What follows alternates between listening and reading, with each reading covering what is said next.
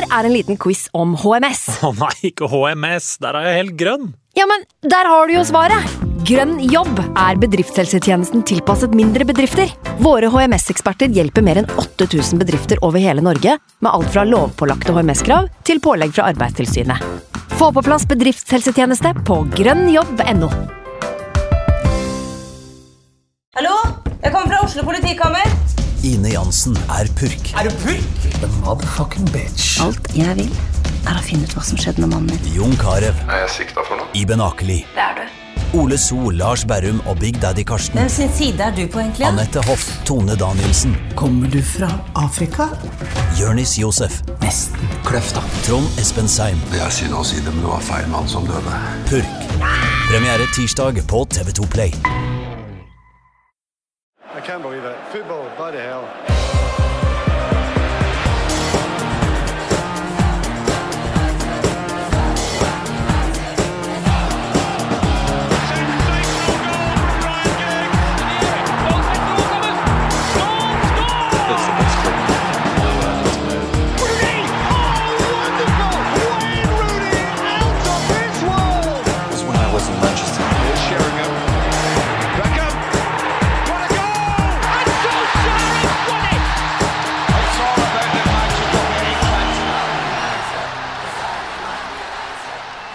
Det er lov å ha keeper, sa folk. Det er lov å ha keeper. Velkommen til United We-podkast. Ole Gunnar Solskjær er nå altså offisielt den United-manageren gjennom tidene som har hatt den beste starten. Det er 2019. Uh, Kasper Wikestad fra TV 2, velkommen. Takk, takk. Godt å ha deg her. Det er godt å være her, da. Godt nyttår. I like måte. Uh, Jonas Giæver fra Viasat, velkommen til deg også. Tusen takk skal du ha. Alt bra? Jeg er litt sånn småforkjøla, men uh, god start på det nye året. Det er i hvert fall greit å være United-supporter om dagen. Det er det. Ja. det er seks seire på rad, eller hva det er nå. Man husker Ja. jo knapt eh, Det har jo skjedd før at en trener har starta med det, men eh, man husker jo knapt sist United vant seks kamper på rad også, vel. Ja, det er akkurat det. Jeg kan ikke huske siste skjedde. Kasper, kanskje? Nei. Nei. Dit har ikke kommet.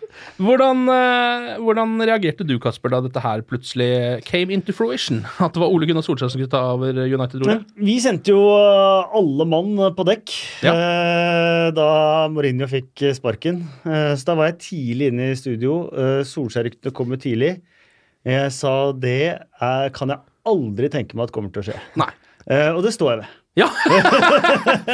Det blir vanskelig å stå ved etter hvert, men Nei, for det er jo helt, eh, det er jo helt eh, sprøtt. Nå, alt som skjer, får man en viss tid til å venne seg til. Ja. Nå har man på en måte vent seg til det.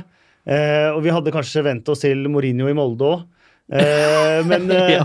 men det er nesten så far-fetched at vi har en nordmann som manager for verdens største klubb. Ja. Men det er veldig gøy.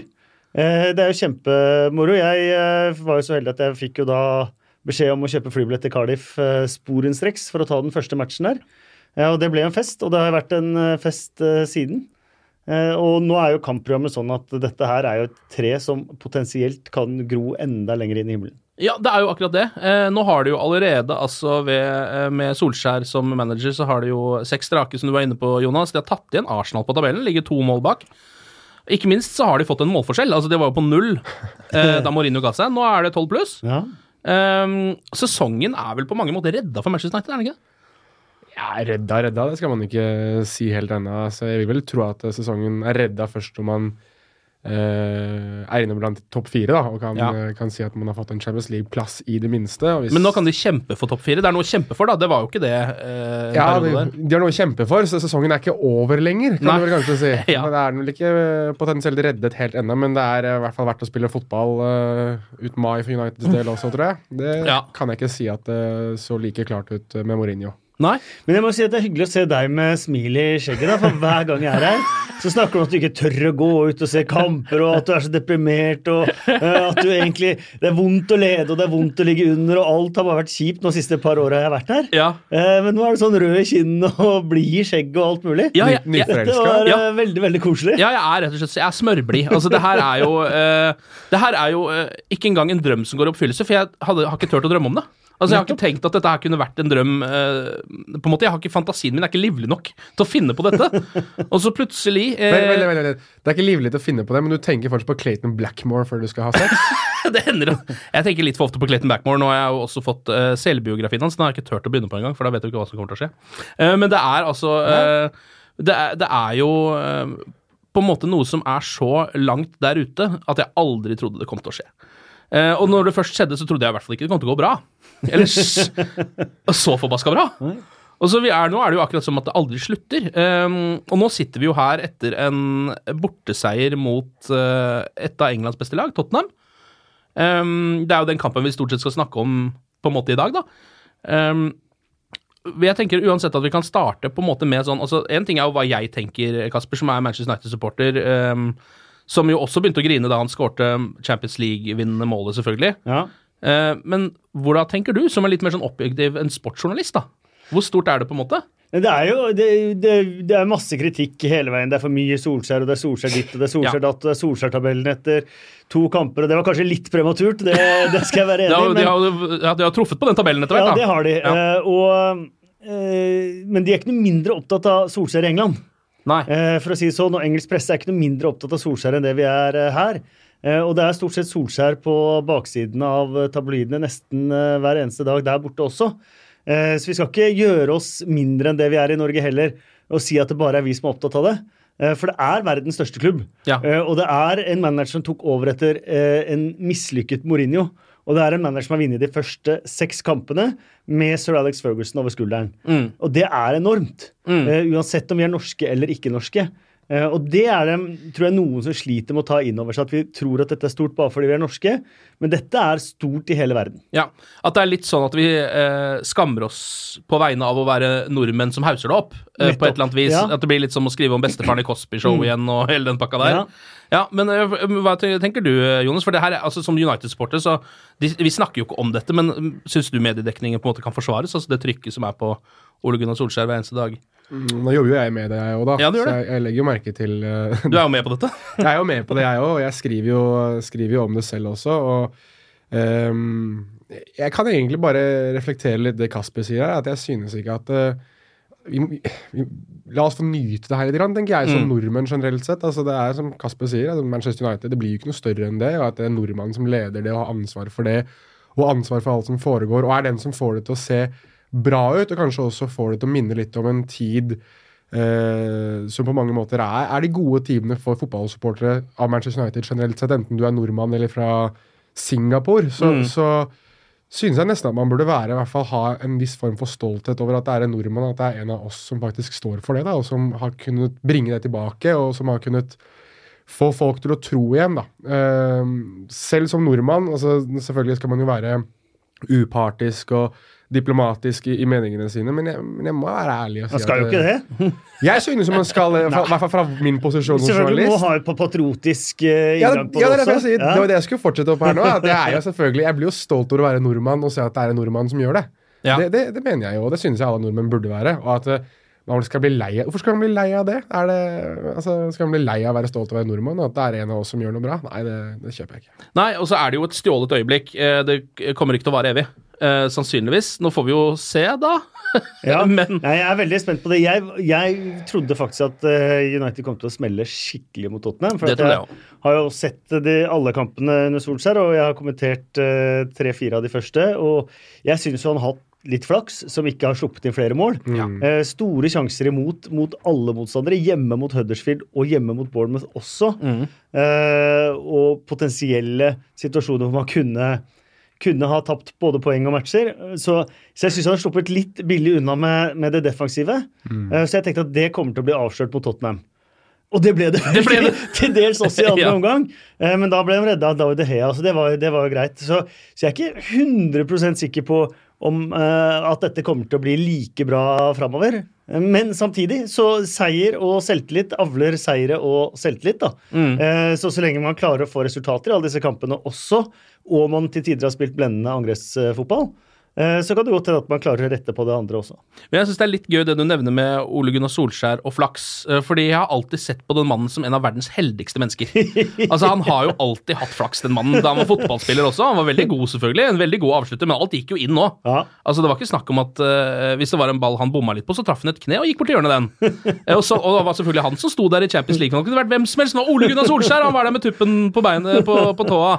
Eh, og så er det, går det liksom Hva var det, tre-fire minutter i hans første kamp, og så skårer Rashford på frispark. Ja. Som han jo eh, ikke pleier å gjøre. Eh, og sånn har det på en måte bare gått og gått og gått. da. Det er jo uh, en Altså Akkurat som at den, den flaksen som han har, har bare gnidd seg over på laget. Over på hele Manchester United. Og nå sitter alle på Solskjær eh, og den uh, svinger godt. Den svinger uh, veldig godt. Og så har han jo Jeg syns han virkelig har vært klok med teamet han har rundt seg. Og så, og så har han selvfølgelig uh, Det er jo Sir Alex Ferguson som har trukket i trådene her hele veien. Det kan det ikke være noe tvil om. og var det noe Mourinho ikke klarte, så var det det å komme overens med Sir Alex Ferguson, og det tror jeg er uh, veldig dumt. Um, så, at, så han sitter også der, da. Så da, da har du på en måte et helt komplett team av uh, det som var Manchester United, da. Eh, og så kan videre Heller kan bringe den kulturen tilbake inn i klubb og lag. Eh, så, så alle faktorer her på en måte taler for, eh, for Solskjær. Og så er jo han alt Mourinho ikke var i tillegg, da. Eh, hans pressekonferanser er jo bingo i hva kunne ikke José Mourinho sagt. Ja. Eh, og, og der treffer det bingo hver gang. Ja. Eh, hva, tenker du, eh, Jonas, om det liksom rent sånn spillemessige ved Manchester United som har forandra seg, eh, som du har lagt merke til? Bortsett fra at bekkene står høyere, da. Det er jo, alt er jo mer offensivt, alt Ja. er mer positivt. Alt ser ut til å være mer frisluppent og, og gøy. Altså, jeg tror ikke det var Manchester United med mindre man så mye på Benfica, da, så var det ingen United-supporter som visste at uh, Victor Lindelöf kunne avansere framover i banen med ballen, f.eks. Mm. Det er jo helt nytt for Manchester United at han gjør det. Mm. Uh, Paul Pogba ser jo ut som den spilleren United faktisk kjøpte i 2016. En, en spiller som bidrar begge veier, ja, men, men som har noe vanvittig med målpoeng. da. Eh, både i form av målgivende og, og egne skåringer. Altså, det ser ut som et lag som rett og slett bare har det mer gøy. da. Som, Ja. som, tør, å, som tør å ha det gøy, og som får beskjed om at dere skal ha det gøy. Ehm, så jeg tror, eh, jeg tror altså det spillemateriellet som Solskjær har, passer han helt perfekt. Jeg tror dette her er eh, en slags perfect storm for Solskjær, så får man se hvor lenge det, hvor lenge det varer. Det er jo sånne spillere han vil ha. Han vil ha fart framover. Ja. Uh, og han vil ha posisjonsbytter, og han vil ha ganske klare mønstre i hvordan han skal gå framover. Så, så han har på en måte fått oppgradert både Fredrik Brustad, Mathias Lindstrøm og grann, alle, alle de framover. Da. Men det er, det er etter samme prinsipper, da. Ja. Ja. ja, det er jo som han sa da han eh, tok ut sitt første lag eh, mot Cardiff, at det er jo det beste laget jeg har tatt ut noen gang, så jeg skal ikke klage. Det er jo veldig greit. Eh, vi var inne på Sir Alex Ferguson her. Vet vi noe om hvor mye han trekker i de trådene? Hvor puppetmaster eh, den gamle mesteren, er? Nei, men, man, eh, han, men Solskjær har vært veldig åpen på det. at uh, Da han tok ut laget, så ringte han Sir Alex Ferguson etter, eller før den første kampen. Og, og han sier at de prater ukentlig, men så sier de at de kanskje skal prate litt mindre. Eh, men at de to, eh, de to står hverandre veldig veldig nært, og det gjorde de også da han spilte. Og Sir Alex Ferguson var den første som antydet at Ole Gunnar Solskjær kommer til å bli en veldig veldig god manager. Ja, stemmer det. Eh, ja, så, så, så, så, så, så hvor mye og hvor formelt og sånt noe. Han er jo sin egen mann nå. Men, eh, men jeg, tror, jeg tror de er tett på hverandre. Mm. Han har vært på feltet nå. Det var vel eh, Ja. rapportert blant annet at han har vært på feltet og besøkt uh, spillerne, be- besøkt Solskjær og sett litt hvordan ting fungerer. Og det var det vel aldri noe snakk om under Mourinho eller van Hall eller jeg Moyes. Kan, nei, jeg kan ikke se for meg at Ferguson gikk på treningsfeltet under Mourinho. Det kan jeg nesten ikke Nei, se for meg. nei og så er det jo, men det er en balansegang, det òg. Eh, hadde han gjort det samme med Moyes, så hadde det blitt helt feil. Ja. Ja. Eh, da måtte han trekke seg unna. Da var det jo egentlig et ankepunkt at han var på alle kamper. Han var jo Ja, oppe på en eh, onsdagskamp seint borte mot Sunderland og sånt, og der satt han hver eneste kamp og titta ned på Moyes. Eh, og det har vi sett eh, også med Rosenborg og Nils Arne Eggen og, og sånt. Og det er veldig viktig at de trekker seg unna. Eh, samtidig, nå var det jo kommet en tid hvor det blir helt rett at han kanskje involverer seg litt inn igjen, da. Eh, Og så går det vel litt på, ja, på managerens stolthet òg, er det ikke det det gjør? Men Solskjær jeg tror han svelger den stoltheten lettere enn f.eks. José Mourinho kanskje gjør, da. Ja, for Mourinho og van Gaal kanskje så vil det svekket deres autoritet. For, for Solskjær så vil det være en styrke for hans autoritet at, uh, at han er med. Ja. Ok, men la oss gå løs på uh, det som har skjedd av action, da. Uh, bortekampen mot Tottenham Hotspur på Wembley. Um, 1-0 til Manchester United. Hva syns du om det du så, Jonas? Jeg synes det var en litt sånn klassisk Manchester United bortekamp, jeg. Men uh, vanligvis hadde de vært i Champions League. Jeg, satt, uh, jeg vet ikke hvorfor, men jeg, jeg tenkte veldig på, på bortekampen mot Porto i, i Champions League i 2008-2009. Da hadde United én ordentlig stor sjanse. Den, det var Cristiano Ronaldo som skjøt fra 40-35 meter. Ja, stemmer det sinnssyke målet hans. Ja, vanvittig skåringa hans. Og så gjorde de egentlig ikke så mye mer offensivt, men de var veldig kompakte og ordentlig defensivt, og var kløktige, kan man kanskje kalle det, med ballen i beina. At det var ikke veldig mye løp, det var ikke veldig mye ekstra. Eh, man på en måte kontrollerte ut kampen. og det i første omgang synes jeg United har veldig veldig god kontroll på Tottenham. De benytter seg av de rommene som Tottenham sine backer eh, etterlater seg ved å, ved å gå så høyt som de gjør. Den ene pasningen fra Pogba til Rashford er nok, og når Rashford plutselig har bestemt seg for at han skal lære seg å avslutte også mm. eh, Kanskje Lloris burde kunne slå den ut, men den går nå inn, og, og det er litt sånn symptomatisk for Solskjær også, eller for United under Solskjær, at nå går det mer inn enn det går ut, enn, Mm. enn det gjorde under Mourinho. Uh, I andre omgang så um, blir jo overkjørt. Ja. Blir jo rett og slett overkjørt. Og Ja, i hvert fall tidvis. Ja, nei, men altså, Det er et par av de redningene fra De Gea som ikke skal være mulige. Ja. Altså, det er, så enkelt er det. Uh, men, men det er litt Selv han da, får en slags boost av det å ha Solskjær, eh, tror jeg. at det er liksom en, Alle føler at de kan overprestere eller prestere kanskje på det nivået de burde prestere på. Og De Gea i form, det er um, Nei, Jeg vet ikke, det er mye diskusjon rundt det, men jeg, jeg tror ikke det finnes en bedre keeper i verden enn De Gea når han er i den, det slaget der. Nei, det tror jeg vi som en United-podkast kan sette to streker under. Etter den kampen der, iallfall. Uh, Kasper, hvordan syns du Solskjær traff på inngangen til matchen? Altså sånn rent taktisk? Perfekt. Eh, Darren Fletcher sa vel i matchen the Day 2 at uh, det var en tactical masterclass av uh, Solskjær. Og det, det er jeg enig i. Eh, han hadde pinpointa svakhetene til eh, Tottenham, utnytta det. Eh, og så er det jo Porcettino han møter. altså Pochettino eh, vet jo også motspillet. og svarte og la om formasjonen litt. Gikk vekk fra diamanten mm. og tok over matchen. Og, så, og i andre omgang så eh, jeg drista meg frampå med å tvitre om at uh, nå har Solskjær flaks. Mhm, ja. At den rekorden hans eh, holder. Det skjønner jeg ikke alltid hvorfor jeg gidder. Men, men for Solskjær så satt og hadde, han hadde Han hadde jo flaks at det ble 1-0. Eh, Manchester United hadde jo på mange måter ikke flaks fordi at eh, keeper er en del av laget. Å Ja. ha en god keeper, det er, eh, det er lov. Så tror jeg ikke det er tilfeldig at David De Gea heller er så god. Du ser jo innstilling til hvordan Manchester United forsvarer seg. og Det, det er snakk om inni hodene på spillerne er jo helt annerledes nå. Hadde kampbildet vært nøyaktig likt under Mourinho, så hadde Manchester Ja. United tapt den matchen. Ja. Eh, spillere som kaster seg inn foran, som dekker hverandre, eh, og som gjør noen av avslutningene faktisk vanskeligere for Tottenham. Eh, det skuddet til Dele Alli eh, som David Gea redder med armene høyt, det tror jeg han hadde lyst til å sette ned lavt, men da har han stopperen på seg, så han kan ikke gjøre det.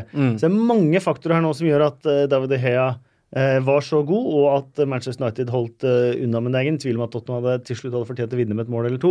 Nei. Eh, men det gjorde det ikke, og Manchester United eh, 1-0, og De Gea tilbake i super Jeg har hatt elleve redninger andre omgang. Ja, det var noe sånt, ja. Den der på nær, nærmeste stolpe på corneren der, den han må ned med foten. Ja. Den er syk. Nei, Ja, den er og sjuk. hockeykeeperredningen. Ja. Ja. Den eh, med høyrefoten ut i spagaten der. Ja, riktig. er, og de aller fleste keepere der ville gått ned med armen, Ja. eh, og da ville den gått inn.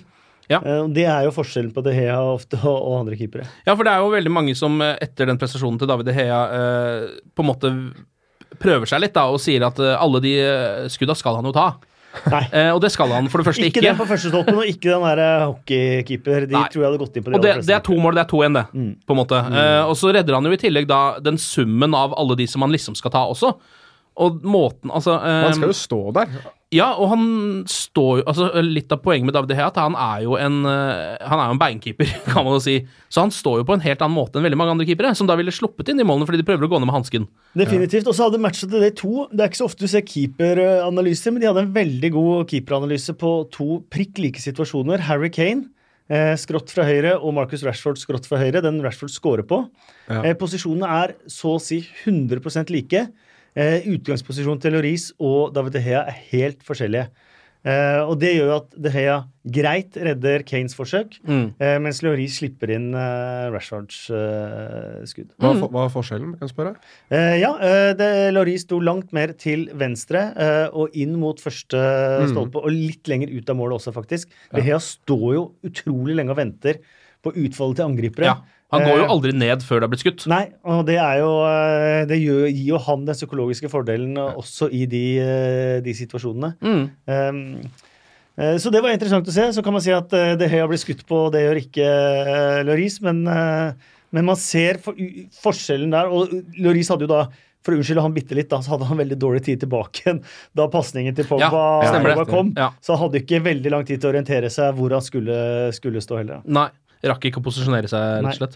Um, hva, men hvis vi skal liksom på en måte se litt på fordi det her var jo en eh, Altså Her starter det på en måte med det som eh, du var inne på, Kasper, er en uh, taktisk masterclass. Og, og så blir han jo tatt litt på senga i andre omgang, Ole Gunnar Solskjær.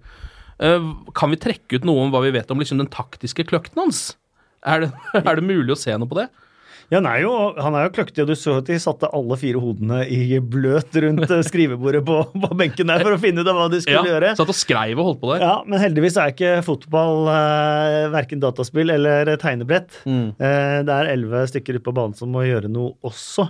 Eh, så det er ikke alltid lett å snu sånne ting når man blir eh, hengende i stroppene der. I hockey så har man timeout. Ja. Eh, det har man jo ikke i fotball. Man har jo ofte den der gående og legge deg i to minutter. Ja. Kanskje han skulle gjort, gjort det, men noen ganger så er det vanskelig å stå imot. Da. Ja. Fordi altså, det er jo på, en måte ehm, Der mister jo han grepet på den kampen. Og det gjør jo hele Det gjør jo United generelt også. Det er, ehm, det er jo der de på en måte da kunne lett ha tapt den kampen da i andre omgangen der. Selv om det nå må jo også sies at United har en periode der hvor de har en to-tre store Pogba-sjanser. Det har de. Ja, kunne gått opp til 2-0. Eh, så altså, den kampen her kunne ha gått alle mulige veier, uavhengig av hvordan man ser på liksom Uh, hvor fortjent det var at United vant eller ikke. Um, så var det resultatet til slutt da, som ble 1-0. Når du snakker om det taktiske, da, det er jo Mm. en ting som mange har stilt seg spørsmål ved rundt Solskjær. Hvor god er han taktisk? Ja, han er god, liksom For å, for å sammenligne litt da, med, med Zidane i Real Madrid, for eksempel, så var det jo litt spørsmål Ja, han, han er god til å uh, få opp humør, han er god til å motivere spillere, men hvor god er han taktisk? I Solskjærs uh, favør så har han jo hatt et hav av ulike systemer han har prøvd å spille. Et hav av ulike innganger til kamper han har hatt i Molde. altså med Molde har vi sett de i i 4-3-3, vi har sett de i 4-2-3-1, vi har sett de i 4-4-2. Vi har til og med sett de i 3-5-2. Så det at Solskjær ikke er noe god taktisk og ikke tør å, å tilpasse seg og prøve nye ting på den taktiske fronten og, formasjon, og på formasjonsbiten, det er jo feil. Mm. Så, så jeg tror rett og slett at uh, Jeg lurer litt på om man ikke har undervurdert han uh, taktisk, og hvor god han egentlig er til å lese kampbilder og til å lese uh, innganger og hva som er lurest å gjøre i, i kampsituasjoner. Og Det var jo det som gjorde han til en så god spiss. var jo det at Der andre satt og kødda og snakka om ulike andre ting, så satt han alltid og analyserte det som foregikk ute på banen, så han visste hvor han skulle stå. Du snakket om flaks tidligere her. Og ja, det er litt flaks, men han skapte alltid sin egen flaks fordi han visste nøyaktig hva som foregikk ute på banen. Og der tror jeg Solskjær er, er ganske unik, da, uh, i det at han, han er ekstremt god til å lese kampsituasjoner. Så det du kan trekke ut av det, er at Jordan Rhodes kommer til å bli en eh, utrolig god manager. Jordan Rhodes. Ja, han eh, trekker fram Solskjær nå hver gang, for han har jo blitt en benker i Norwich. Ja. Eh, Men han kommer ofte innpå og skårer. Eh, Og det er Solskjær han trekker fram hver gang. Og det at Solskjær også satt og observerte kamper og sånn, så det sitter han og gjør nå. Og der fikk du snakke om Norwich i Ja, dag, Kasper! ja, og han kom jo innpå da og skåra med sitt første touch 1-1 borte mot West Bromwich i, i helga òg. Så Solskjær og Jordan Rhodes. Er- Så bare gled dere til Rhodes blir ny manager. Da, bank, da, da banker jeg inn Jordan Rhodes, fortsatt helt i Huddersfield. ja. Ja, ja. Det er han. Kona mi har sett han skåre hat trick på Brisbane Road, faktisk. Her flagrer det med info, gutter. Du har bodd i Huddersfield, det er derfor du vet dette. Ja, ikke sant? Han Ja. og Alex Smithis, fortsatt store helter i, på, på John Smith Stadium. Eh, nå, eh, hvis vi skal eh, Altså, det er en eh, Det blir jo en litt sånn barnslig sak å snakke om, men um, det føles jo som en slags eh, audition. Selv om Solskjær var ute og sa at det er det ikke. Når det er Ole Gunnar Solskjær som da uh, spiller mot Tottenham med Maurizio Pochettino som sjef, uh, som jo er da på en måte de, Det er de to kandidatene da akkurat nå til jobben i Manchester United. Hvor mye vekt kan man legge på at det nå står 1-0 til Solskjær? Ja, også, også, men hvis man skal vurdere de to sånn sett, så er jeg ikke sikker på om det står 1-0 til Solskjær. Da står det kanskje 1-1. Ja. Eh, og Pochettino sa jo etter matchen at dette er de beste 45 minuttene under meg.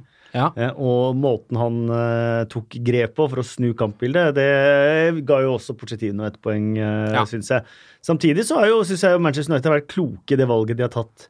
I sånn sett, De har sagt at han er eh, caretaker fram til sommeren. Da skal vi ansette én. igjen. Ingen vits å stresse.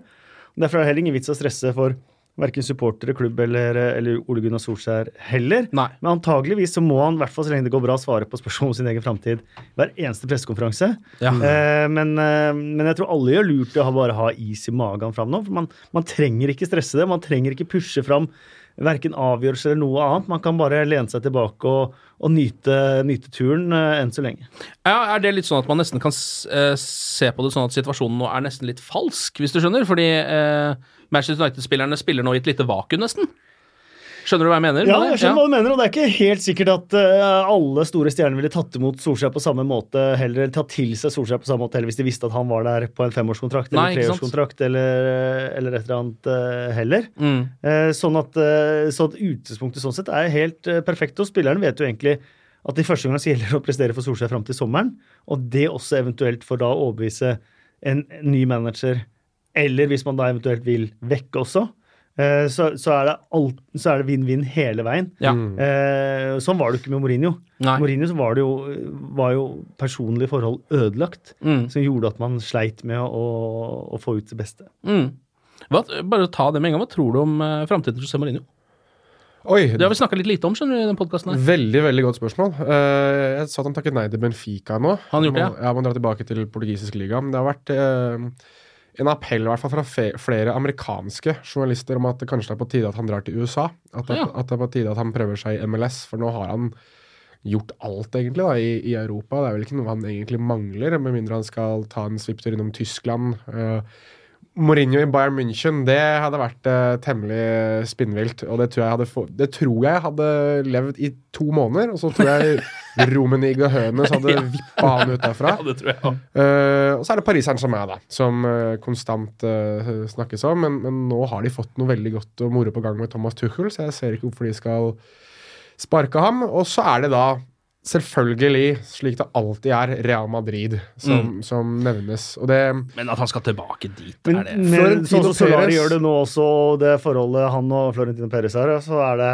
så er det neste mest uh, sannsynlige. Ja, bare fordi de Men hvor- trenger noe nytt, ja. Men hvor grå tror du han har blitt etter å ha sett de seks matchene på TV? Ja. ja, Vi det kommer jo ikke til å kjenne han igjen når han først stikker huet ut av hotelldøra igjen. Nei. My precious! Det er Gollum som stikker huet ut av det hotellrommet, tror jeg. Uh, nei, altså, jeg lurer på hva han, hva han på en måte tenker. Fordi lenge så tror jeg at han kanskje tenkte sånn Disse kampene hadde også blitt vunnet under meg. Tror jeg han hadde tenkt Eller sånn, hvis Ja, spillerne ja, hadde giddet å. Ja, han må jo på en måte det, men hvis spillerne hadde giddet å spille underveis, så hadde de vunnet i kampen. Og det er jo ikke riktig. I hvert fall ikke, i hvert fall ikke etter seks kamper, da. Nei, nei. nei men jeg tror, For, for å gå tilbake til det, det, du, det du spurte om jeg, jeg kan se for meg et scenario der han drar tilbake til Real Madrid. Fordi, Ja. og snakket om Florentino Perez. Perez elsker han. Ja. Florentino Perez elsker José Mourinho. Det var ikke han som ville ha han ut, det var alle andre som ville ha han ut. Ja. uh, og det har jo allerede vært litt sånn småulming sånn hvis Mourinho drar tilbake til Real Madrid, så er det karakterer som Sergio Ramos eksempel, har han lyst til å bli værende, for han hadde et problem med Mourinho. Mm. og ja, generelt sett så, så skapte ikke Mourinho så veldig mye entusiasme mot slutten i Real Madrid heller. Eller han har ikke skapt noe entusiasme mot slutten i noen av klubbene. Nei, han har jo med tross alt det. Inter, kanskje. Men Nei, han har jo tross alt ikke det. Men hvor liksom stort arr er dette på eh, hans eh, manager-renommé, vil du er Mourinho, da. Altså, Ja, men det er stort, altså. Det er eh, fordi at det han har, det han, han, han har uh, gått fra å være i løpet av de årene i Manchester United, det har vært en som Å, han garanterer pokaler. Du vet hva du får, men du får pokaler. Uh, du får en som kan styre et hvert kampbilde inn i hans bilde og sånt noe. Uh, mens eh, der han er nå, er en, spiller, er en manager hvor mange snakker om at fotballen har dratt fra han. Ja. Ja. Eh, Det er så mange managere som trekker fotballen videre, eh, som, eh, men, mens han sitter igjen i det gamle mønsteret, både i eh, hvordan man behandler mennesker, og taktisk. Ja. Og det er kanskje de to viktigste tingene du har. Eh, og det er noe som hefter ved han når store klubber skal tenke, tenke nye, nye managere. Og den, den tror jeg han skal slite lenge med å bli kvitt hvis det ikke stemmer. Og hvis det stemmer, så blir han jo ikke kvitt det. på en måte. Jeg tror, jeg, tror, jeg tror Kasper er inne på en veldig veldig vesentlig ting her med Mourinho. Den måten han, å behandle mennesker på i 2019. Vi snakket mye om det da jeg har vært her også. at Vi må huske på at folk som er født i år 2000, er noen, blir 19 år nå i år. altså Mm. De neste store supertalentene er født i, på 2000-tallet. Mourinho har en sånn hard-nosed, litt sånn uh, tough love til mennesker generelt sett, tror jeg. Han virker som han alltid har hatt det. Jeg tror ikke det fungerer like bra med mennesker som, som er unge voksne nå i dag. Altså, jeg tror rett og slett at man ikke øh, I fotballen at det, det, den tilnærmingen fungerer ikke. Du trenger litt oftere å ha en arm rundt skuldra på folk og, og motivere dem og vise at man har troa på folk. og det Eh, det har Jørgen Klopp vist at eh, det fungerer i Liverpool. Det å være glad i folk og vise at man bryr seg om mennesker på en litt annen måte, det, det, det gjør vei i vellinga. Pep Guardiola har vist det, Tuchel som jeg nevnte har vist det. Og det var jo også derfor Conte til syvende og sist ikke fungerte i Chelsea, fordi at han ble for hard, han også. Rett og slett, Mennesker tåler ikke den der attityden der i lengden. Ja, man, man må kanskje ha et spark i rumpa innimellom, og det så vi jo i United da Mourinho kom inn. at det, den der, den der tilnærminga hans den fikk United til å spille fotball, fikk United Mm. til å være gode i én sesong, kanskje til og med halvannen. Ja.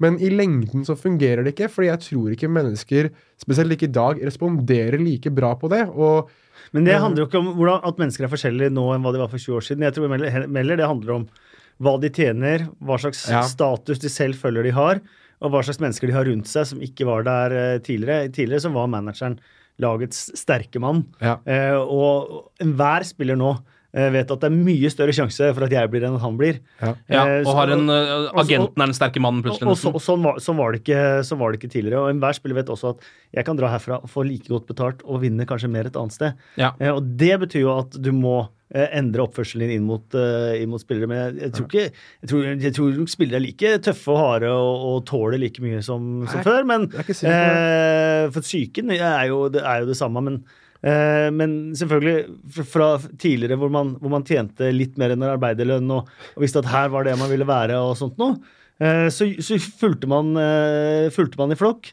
Eh, mens nå så er enhver spiller er sin egen superstjerne. Eh, og da blir det noe helt annet. Mm. Jeg ønsker jo José Mourinho selvfølgelig Nå er du yngre enn meg, da, så det kan godt hende at du Nei, men, nei, nei, nei, men Du vet dette er bedre. Nei, Har du- har du ikke se- har du ikke sett vi liksom puten under armene til Jonas? Ja, Altså, vi, vi, Sydd under her. og kaster vi bare fikk oss en puter. lusing hvis vi gjorde noe gærent, altså. Nei, nei, nei, nei. Men, det, men det, er interessant, det er interessant det du sier der. Spesielt det med det at alle er sin egen superstjerne. Jeg, tror bare det at du eh, du, du treffer veldig godt når du sier at hvis du, hvis du ikke får det til å fungere i en klubb, så vet du at eh, det er større sannsynlighet for at eh, treneren forsvinner enn at du forsvinner. Altså, Ja. Og at man har så høye lønninger og så høy status generelt sett. at Jeg tror også at du eh, forstår meg rett at du har råd til å bli mer indignert hvis en trener er hard mot deg. Hvis en trener sier noe du ikke du liker. Istedenfor at du tenker at det er noe gærent med meg, så tenker du at det er noe gærent med han. Eh, og, og der tror jeg mentaliteten til fotballspillere har endret seg, og det tror Det jeg er den. Det er det ingen tvil om. og da tror jeg Jeg vet ikke om altså Jeg skal ikke være for, eh, for eh, samfunnspsykolog her, men jeg, jeg tror bare at det reflekterer litt med hvor kanskje visse deler av samfunnet har gått. da Men Ja. det, det er for å være min digresjon rundt det. Ja, nei, men det er jo også det, det Du samme- tåler å bli hunsa litt med, Ken. Jeg gjør det, for jeg ligger jo akkurat mellom Jeg er jo uh, gammel millennial. Altså eldgammel millennial. Den eldste millennialen. 81 begynte det jo visstnok. Denne millenniumsgenerasjonen. Når er du født? Jeg er født i 81. Du er født i 81. Så jeg er akkurat innafor, men uh, kjenner meg jo ikke igjen i uh, millenniumsgenerasjonens verdier. Nettopp. Ja, Jeg, jeg- jeg, jeg- jeg, er jeg er 92. 75, Jeg er Ja, 92. så jeg er blitt en gammel mann. Ja, ikke sant? Jeg er 92, jeg kjenner ikke meg igjen i det hele Nei, du gjør ikke det, du heller? gjør ikke det. Nei. Nei. Eh, vi Fikk ønsker kjeft, jo selvfølgelig Fikk kjeft, jeg også, hvis det gjør gærent. Så det. Mourinho alt godt. Jeg, jeg merker at jeg har ikke så veldig lyst til at han skal ende opp i MLS, fordi United har jo plutselig blitt en sånn eh, MLS-leverandør. Altså s- Men store da må de gjøre som City og få seg sitt eget lag og greier. Ja, da må de i hvert fall få seg et, uh, Et New, York, New York United. United. Det hadde vært litt gøy hvis Ja. New York Red Bulls ble New York United. Ja. Så hadde New York City og United der borte òg. Ja, eh, fordi nå har de altså Vi har henta store stjerner. Uh, Ende, ja, Schweinsteiger, Zlatan, Rooney, alle er i MLS. Hvis Mourinho også går dit, så begynner det nesten å bli litt parodisk, syns jeg. Eh, men tilbake til, eh, til Spurs-kampen. Vi har glemt å dele ut poeng til Uniteds tre beste spillere. Ja. Og Det er jo noe vi gjør hver eneste gang vi er her. Vi gir tre til den beste, to til den nest beste og ett poeng til den tredje beste United-spilleren. Hvem av dere vil starte? Kasper kan vi starte, kanskje? Ja, jeg har lyst til å gi ett poeng til, eh, til en av forsvarsspillerne, egentlig. Uh, Lindeløv, eh, Jones, eh, Shaw. Mm. Uh, egentlig Ashley Young òg syns de var uh, sto imot helt utrolig bra. Men jeg tror jeg velger å gi den til Lindeløv. Jeg. Ja. Liker han uh, veldig godt. Uh, Prata litt med han etter uh, Bournemouth-kampen òg. Og det er litt fascinerende, faktisk. For det du merker med alle disse spillerne, de vil ikke si noe stygt om Mourinho. Nei. Uh, og det, det betyr at de tar alle spørsmål som går på hva fungerer bra nå, hva har Solskjær gjort, uh, alle de tingene her, med litt sånn indignasjon. At det vil man heller ikke svare ordentlig på. Oh, ja. Fordi at, og De det blir skeptiske med en gang du stiller de spørsmålene? Ja, for det er helt tydelig at, at, at de vil ikke slag off Mourinho. De fortsatt har eh, den respekten også i, i, med, med, med tanke på det. Og det jeg, syns det er noe fint ved, Ja, ja, Det, ved, det, ved det også. Eh, men jeg syns Lindeløv er en av de som har hatt en stor stor forvandling under, eh, under Solskjær. Eh, og så liker jeg altså type også. Og jeg syns det er også veldig bra med folk som stiller med snus. Ja, for han snuser selvfølgelig, Han svensken. snuser Ja, selvfølgelig må- ja. på TV. ja, ja, ja. Snuser i TV-intervjuet. Ikke noe stress for Nei, det er Lindeløf. rett ut av Robert, svær leppe, og det, det syns jeg er noe fint ved det òg. Hvordan var han som type, da? Ja, han er veldig fin. Jeg møtte han jo første gang da jeg møtte Jonas også i, i Washington. Eh, på den ja, første treningsleiren med en sånn sit-down-intervju og sånn. Jeg syns han virker som utrolig bra. Og så har han jo verdens kuleste kone. Ja. Eh, hvis man ikke følger henne på Instagram, så er det bare å, å gjøre det. Jeg, lenge siden jeg har vært inne og sett på, men i hvert fall før han kom til United, så var han veldig morsom på hans bekostning. Ja, mobba han mye? tid. Veldig mye mobbing. Det gjorde hun nå Eh, nettopp for øvrig. Jeg tror det er på storyen fortsatt. Han spiller jo Heyday han på Facebook hele tiden, og det driver hun og erter ham for hele tida. Så det er bare å gå inn og Det er så klassisk fotballspill å sitte og spille mo mo mobile games, ass. Det er så mye av de greiene der. Du må gjøre det. Eh, også Pogba 2. Ja. Uh, Assisten er vel nesten verdt to poeng alene. Assisten er verdt to poeng alene, og uh, veldig overraskende med en som får tre. Ja. Det kan. David De Hea, ja. Verdens beste keeper. Hva med deg, Jonas? Det er dritt kjedelig. Jeg satt og tenkte på det her før jeg kom, og det er helt likt som det Ja, er. det, ja. Men jeg, men jeg synes, for å, for å gå litt videre på det Lindelöf-poenget, for man har snakket nok om både Pogba og De Gea Jeg synes at eh, uansett hva Manchester United velger å gjøre på overgangsvinduet, så synes jeg at uh, Victor Lindelöf har vist at uh, der bor det en klassestopper. Der, Mm. der bor det en som virkelig kan bli en av verdens beste. Så de må uh, i hvert fall bygge forsvaret rundt ham, føler jeg, og, og, og ha han som en vital del av det. Fordi det han har vist nå under Solskjær, og også mot slutten av Mourinho-tiden også egentlig, er at eh, så fort han har uh, litt frihet, så fort han har en trener som tror på han, og så fort han har litt selvtillit, så er det, er det en spiller i potensiell verdensklasse. Og um, hvis United klarer å få et ordentlig midtstopperpar igjen, så, Da blir det farlig, altså. så blir det bra. Da blir det gøy. For det virker, som, det virker jo også som De Gea har lyst til å bli værende i Manchester United. Alt man leser og alt man forstår, er jo det at eh, han gjerne vil ha en lønn som reflekterer hans status i laget. Selvfølgelig, og det burde nesten være best betalt i United, sånn som han holder på. Ja. Uh, og hvis de da klarer å kombinere det med en ordentlig midtstoppersjef ved siden av Lindelöf, kanskje, så eh, Nei, da tror jeg fort at man får litt den der van Dijk-effekten som man hadde i Liverpool. Men Ja. her, har jo, her har jo Woodward og Mourinho fucka opp utrolig mye de siste par årene. da. Ja. Med Alexis Sanchez og, og andre ting, og sprengte lønnsbudsjetter og, og alt mulig. Ja. Og det gir ringvirkninger og, som, som på en måte man ikke kommer seg tilbake fra heller. Nei. Nei. Ehm, så det Og tenk hvis han hadde fått lov til å fortsette eh, de planene han hadde også med å selge Martial og de, de tingene der. Ja, ja. Det var nok en grunn i sommer til at eh, de sa nei til Mourinho til veldig mye, for de skjønte hvor det bar. Ja, ikke bare Martial, men eh, altså, Paul Pogba hadde jo ikke vært lenge i den klubben, han heller. Eh, og tenk deg det. altså da, da går man tilbake ti år, da. Må begynne ti år eh, tidligere plutselig, med å bygge lag. Um, nei, men det er bra. Det er David Hea, eh, banens beste. Det er, den er vel grei. Eh, Den er faktisk ganske det er ikke så mye å si, så mye å si på det. Apropos overgangsvinduet, Jonas. eh, Kan vi ta noen av de ryktene som har dukka opp? Nå har det jo ja. blitt snakk om at en av de første Eller de første spillerne som kanskje blir solgt under Solskjær, er eh, kanskje Fellaini? Eh, Første som kom etter Ferguson. ja. han, ja. Og hver gang det er noe snakk om eh, Hver gang det er et overgangsvindu, så står navnet hans der. Um, fordi han er Marwan Fellaini, og det kommer han alltid til å være, uansett hvilken klubb han spiller i. Eh, om det er i Tippeligaen eller i Real Madrid, så er han jo Marwan Fellaini. Ja, akkurat, eh, like god på akkurat det samme uansett. Ja. Um, Men det er jo det er akkurat det der Solskjær snakker jo om Manchester United-kulturen og, Ja. og alt dette her, og han har på en måte vært symbolet på det motsatte. Ja. Hele veien Han var den første spilleren som kom etter sir Alex Ferguson. Mm. Han sto for noe helt annet enn det man har hatt spillere i Manchester United eh, tidligere. Eh, når han har kommet innpå, så har det vært for å jage mål med lange baller eller forsvare seg med, med muskler og, og, og hodestyrke og, og sånt. Og sånn. Så han er så, så, så u-Manchester Unitedsk, da, Ja. eh, med tanke på det Solskjær vil ha. Sånn at den er veldig logisk at, at Ja. det er en ut, selv om han antageligvis også kunne vært en nyttig mann også Ja. for Solskjær. Ja, for det har jo Eh, nesten vært litt sånn symbolsk under Solskjær, så han har spilt 31 minutter, minst av nesten samtlige som uh, pleier å spille for det laget. Uh, men uh, som du er inne på, så er han er jo en spiller med helt særegne kvaliteter, så ville du solgt han? Nei, det er, det er spørsmålet. Ja. Men, men det er veldig sånn forståelig, forståelig også. Så, og det er også inn mot supportere og, og, og, og alle sånne ting også. At, eh, man hadde jo forhåpninger da David Moyes kom. Eh, og han var the chosen one fra Sir Alex Ferguson og hadde gjort det så bra i Everton. og Perfekte mann. Han kan sitte i 20 år, han òg. Man glemmer jo at man tenkte litt sånn Ja. den, eh, den sommeren. Uh, men allerede da, når den eneste han klarte å få tak i på første vindu, var Marwan Fellaini fra sin gamle klubb, da begynte man å bare OK. Ja. Det er kanskje ikke sikkert han er the chosen one. og- Kanskje det bare blir 19 år, ja. Kanskje, ja, eller 19 måneder. 9 måneder. Nei, det er Så- sant, det, men, det, men jeg, jeg bare jeg, rent personlig som United-supporter, så vil jeg altså sånn Så lenge ikke Fellaini krever å spille hver eneste kamp, og det blir masse bråk i garderoben, at han skal gå rundt der med de lange lemmene sine og, og eh, slappe folk i trynet, så tenker jeg at hvorfor ikke la han være der? Fordi det er en altså sånn jeg bare ser for meg bare nå kampen som kommer mot Paris Saint-Germain. Eh, fort hende han blir en drita viktig spiller og kommer til å enten eh, redde et mål eller score et mål. Litt sånn som han gjorde mot Juventus, da de bytta han inn på Ja, Ja, Skåra målet mot Young Boys som sentrum videre òg. ja. Han gjorde det. Han er jo en sånn type, da.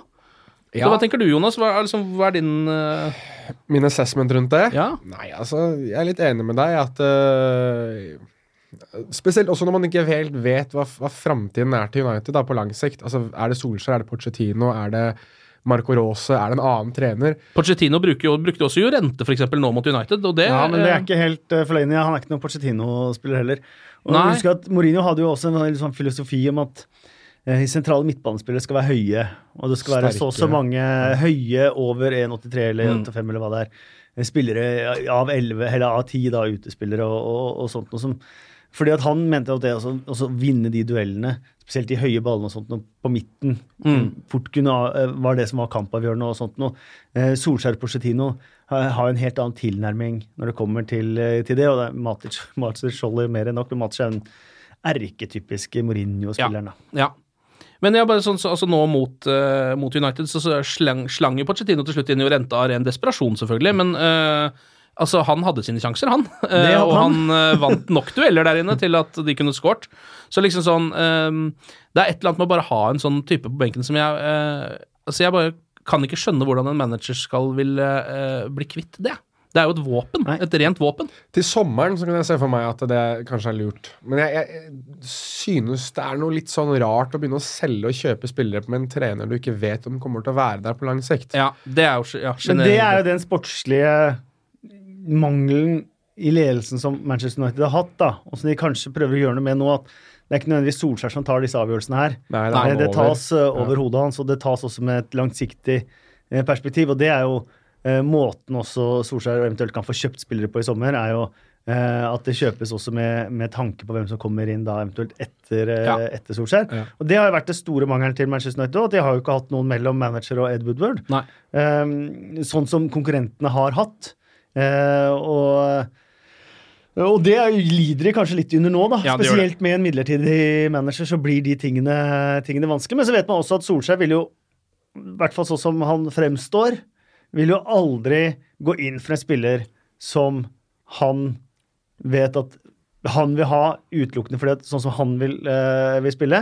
Men han kan godt tenke ta en sportsdirektørrolle også i dette januarvinduet og tenke at han er en bra spiller for Manchester United også de neste fem årene uten meg. Mm. Um, det er Milan og Porto og kinesiske klubber, visstnok. Også noen tyrkiske som skal være interessert i Fellaini. Jeg tror ikke det blir noe vanskelig å Hæ? bli kvitt han. Fellaini og Det- Stefan Johansen sentralt på midten til, til AC Milan. da. Ja.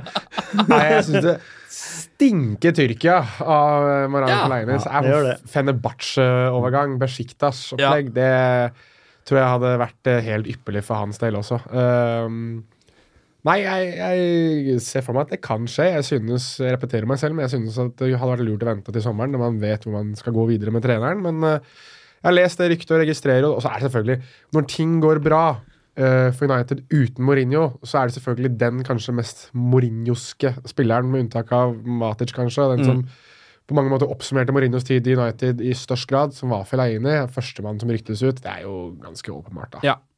Så er det Marcos Rojo som det er snakk om på vei ut. Det, han har jo vært uh, skada siden uh, ja, VM, så å si, holdt jeg på å si. Eh, hvil- Hvilket av dem da, holdt jeg på å si? Ja. ja. ja han, eh, han spilte jo en kamp for Manchester United nå for ikke så lenge siden under Mourinho før han ga seg, og det var den første kampen han spilte siden kvartfinalen i VM. Men apropos eh, tyrkisk fotball, klarer dere Manchester United-supportere også å glede dere litt til å se Ryan Babel eh, tilbake i eh, Premier League? Han har kommet fra Besjiktasen nå. Ja, ja, hvilken klubb har han gått til? Eh, til Fulham, ja. Ja, jeg synes det det er gøy, det. Mhm. Det er gøy med Ryan Babel. da, jeg, altså, eh, Husker jo han fra Uh, i Liverpool-trøya. Um, Nå med knæsj rødt hår, for Ja. øvrig. Ja, jeg har jo sett han en del, faktisk. For jeg har jo hatt Besiktas Ja, i ja. Eller? Europaligaen. Dritbra. ja, han er det, ja. Uh, men uh, nivået på tyrkiske ligaen og, og sånt noe har jo ikke vært Så jeg er veldig usikker på hvor god han er nå i, i, sånn i, i Premier League. Eh, men han har vært veldig veldig god. Han har vært tilbake på nederlandske landslag og skåra mål der også. Så, eh, Ja. eh, så det er veldig veldig spennende. Hvis, eh, hvis han kan være noe i nærheten av det han har vært for Besjikta, så vil han være en kjempetilvekst for eh, Fulham, selv om alle ler. På samme måte som alle lo av Sami Nasri, Ja. som hadde en kanonmatch Ja. nå, eh, nå mot eh, Arsenal. Ja, jeg satt og så på det. Fankeren for en match han hadde også. Eh, nei, da er det jo bare å vente også på at Antony Letalek og Sinamana Pongol eh, Ja. kommer, til, kommer tilbake til ulike klubber. For Erik Meyer er for sein. Faen for noen spillere de kjøpte Liverpool på et tidspunkt. Altså, det var helt komi. Sean Dundee. Ja, det var for Sean. Dundee! Han var så komiklubb der en periode. Jeg savner fortsatt André Voronin, jeg. Ja, da. Voronin, ja, han var fin. Ja. Han, Eh, han hadde kun fin hestehale. Det var eneste han gjorde positivt, tror jeg. Ja, den, og så slo han jo ut håret med en gang kampen var ferdig, og da så du at han hadde eh, altså Legolas-sveis. Den bare hang nedover Ja, ørene hans. ja, stemmer det. Eh, Pogba har Det var en bra far. digresjon. ja, takk for det. Paul Pogba har fått barn. Eh, kanskje, altså det kan jo være litt av grunnen til at han er så forbaska blid om dagen, i tillegg til at det går bra på banen. Er det hans første? Det tror jeg, men det vet jeg faktisk ikke. Kanskje ikke han heller. Nei, det er ikke sikkert han veit det heller. Han er jo partygutt, han. Så jeg vet aldri hva som skjer der. Nei, men det kan jo være en positiv eh, effekt. Jeg husker jeg snakket lenge med, med Alexander Tetti om akkurat det der. eh, da han var nominert til eh, den norske gullballen, eller Kniksen-prisen, eller hva det nå vi kaller det. Eh, og han snakket lenge om det å, det å ta ansvar og det å føle at man er på et litt mer viderekommet steg i livet når du har fått barn, og at du har ansvaret for noen andre enn deg selv, og at du må begynne å oppføre deg i langt større grad. Jeg lurer ikke Joshua King snakket litt om det også da han fikk barn. Så det kan jo være at det har påvirket han litt, at han skjønner at eh, nå spiller han ikke bare fotball for å ha det gøy selv, men nå spiller han fotball Ja. også for at eh, det er en liten en som skal kunne ha det bra. Ikke det at jeg tror at vedkommende ikke kommer til å ha det bra med alle de pengene Pogba Nei. tjener, men, men kanskje at man får et større perspektiv på livet, da. Mm. Bare håpe at han ikke blir bråvoksen, for jeg trenger litt av barnsligheten til Pål Pogba i noen år til. Det tror jeg ikke du skal bekymre deg så veldig for, ass. Nei. Nei, man blir ikke bråvoksen. Nei, du tror ikke det? Han blir ikke bråvoksen, nei. Nei. Det er bra, det. Um, kan også ta med oss at Giuseppe Rossi trener med United om dagen. Det syns jeg er litt Ja, det så jeg. Jeg orker nesten ikke klikke meg inn på det engang. Jeg Rossi så- trener med Manchester United. Ok, Ja, han kommer ikke til å spille. Nei, Solskjær har sagt vi kommer ikke til å hente han inn. Altså Han kommer ikke til å bli kjøpt eller signert av Manchester United, men han spiller, og så skårte han visstnok et helt glimrende mål på trening her om dagen. Så Sir Alex Ferguson syntes var helt konge. og det er egentlig det jeg veit om Skade, skadeutsatt og dopingtatt. Det er vel de to tingene Ja. som oppsummerer Giuseppe Rossi litt de siste årene. Ja.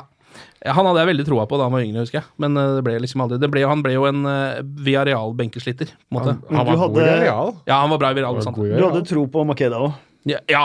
Jeg hadde jo litt troa på Kiko Makeda da, sant det. Men Giuseppe Rossi var jo for god, han. Eller han var jo Han, var jo, han spilte på det amerikanske U19-landslaget og U21 og sånt, og så var han plutselig for god for USA og skulle spille for Italia. Ja, stemmer Og så spilte han vel Confederations Cup eller noe sånt, tror jeg, for, eh, for Italia og gjorde det sånn helt OK. Og så ble det jo bevist at han var jo ikke så god som alle trodde han egentlig var. Nei. Og så var det for seint å dra tilbake til USA, for da har han jo spilt uh, Ja. tellende kamper for Italia. Så Ja. han er en sånn eh, litt sånn historie, sånn som eksempel Ivan Rakitic, som har spilt alle U-kampene for Sveits, og så plutselig så skulle han spille for Kroatia. Ja, ikke sant? Det er mange sånne tilfeller. Mm. Han er jo et av de mest åpenbare, men som kanskje er litt mer sørgelig. da. Rakitic har strengt tatt spilt en VM-finale. Rakitic uh, valgte vel rett, tror jeg. Declan Rice er litt i samme skjea. Han har jo tre av landskamper for Irland, men vil jo ikke spille flere, for han uh, venter på å bli tatt ut for England. Ja, han gjør det, ja. Men dere Hvor så- gammel er han nå? 19 eller noe? Ja, Han ble 20 nå på mandag, Ja. Uh, og da var irske fotballforbundet med en tweet 'Gratulerer med dagen, Declan Rice!' Med, med Declan Rice i den irske landslagsdrakta Oh, ja. Og Twitter. Så de har ikke gitt opp helt. Og han bare svarte 'jeg velger Irland', ja. Jeg, jeg går for Irland, Det var så jævla hyggelig. Men de, de lærte vet du, av Yaya Touré-greiene. Når du ikke ønsker å gratulere med dagen, så blir spilleren sur. Mange Ja. som fikk en lærepenge der. Ja. Det er en overøsing med gra- gratulerer med dagen-meldinger. Husk også det alle 27. november. ja. er, det- bursdagen til Yaya? Den min. Ja, din, ja! Ja, hyggelig. United har jo bare fått i overkant av 5000 eh, billetter til Arsenal-kampen i FA-cupen, og eh, skulle hatt ni, så de er forbanna. Det så jeg. Eh, ja. Er det, um, hvordan er det, var, det, var det sikkerheten som var grunnen til at dette hadde skjedd? Igjen så så jeg bare overskriften, Ja. eh, men man registrerer jo at i FA-cupen så er det jo langt større bortefelt enn i Premier League. Ja. Hvor og s- 5 er vel eh, greia i, i Premier League. Så sånn sett kan man jo tenke at Manchester United kan gå videre med dette her og få medhold et eller annet sted. da. Ja. Jeg vil også tenke det, fordi det er, jo, det er jo litt av poenget med at det skal være sånn i FA-cupen. Mm. At det skal være litt mer nøytral bane, da, som de kaller det. Selv om det fortsatt skal spilles på Emirates, selvfølgelig. De deler billettinntekter også 50-50. Ja, ikke sant? Det er derfor det er fantastisk for disse småklubbene å få bortekamp mot historie. Ja, Det er derfor de håper så mye på det, ja. Mm. Ikke sant? Um, United-supporterne kaller det en vits, så får vi se hva som eh, er enden på visa der til slutt. Og så kan vi jo ta kampprogrammet. Nå er det jo Brighton eh, på lørdag eh, på Old Trafford. De er jo ikke så verst form, Brighton. Tapt mot Liverpool nå sist, men før det så hadde de vel fire-fem ubeseira kamper. Ja, og hjemme så holder de de aller fleste. Eh, Da er de inne i matchen helt til slutten. Eh, og Det var bare den tredje hjemmekampen de tapte, tror jeg, Brighton. Så hjemme er de, er de gode. Det er en litt annen historie på, på bortebane. Ja. Eh, Så Manchester United skal være store, store favoritter. Ja, en kamp de skal ta.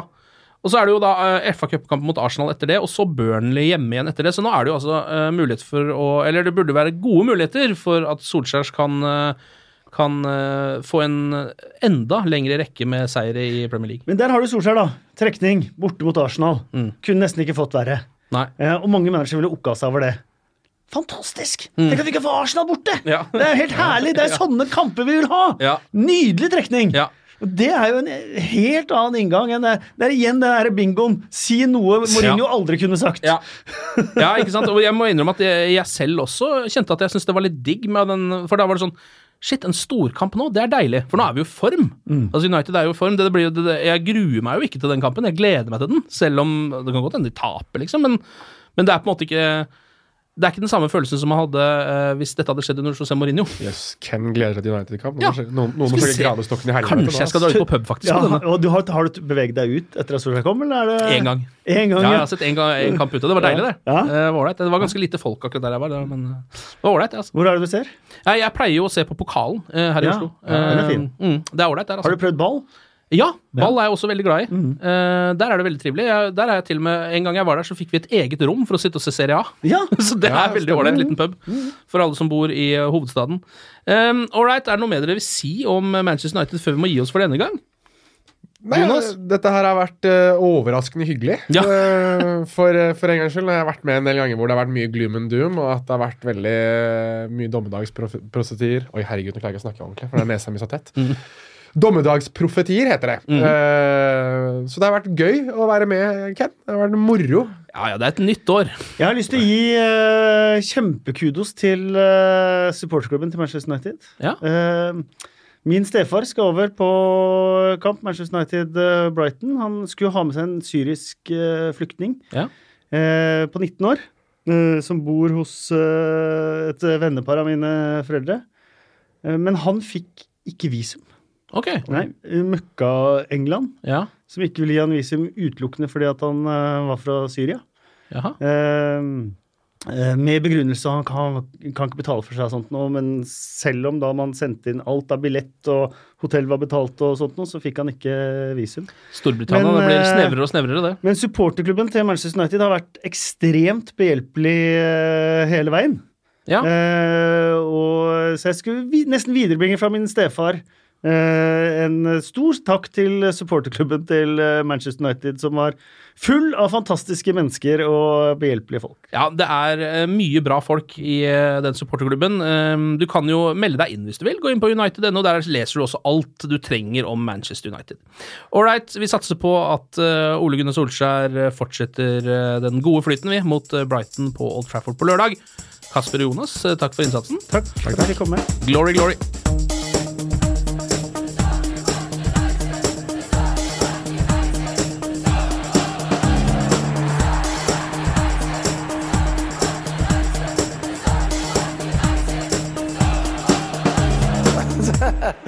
It's true.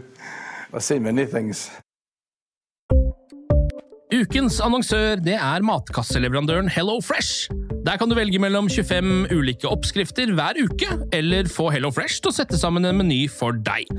Jeg sparer tid på å handle, oppskriftene er veldig enkle å lage, og så får jeg akkurat det jeg trenger da, til hver eneste rett, så jeg slipper å kaste så mye mat som jeg vanligvis gjør. Det er også litt deilig å faktisk slippe å gå på butikken, ikke bare fordi det er tidkrevende og sånn, men fordi man ender opp med å kjøpe så mye greier som man egentlig ikke trenger, sånn som fire poser eh, Smash og en kick med havsalt, eksempel. Det er ikke det du egentlig er der for, du er der for å kjøpe, kjøpe middag.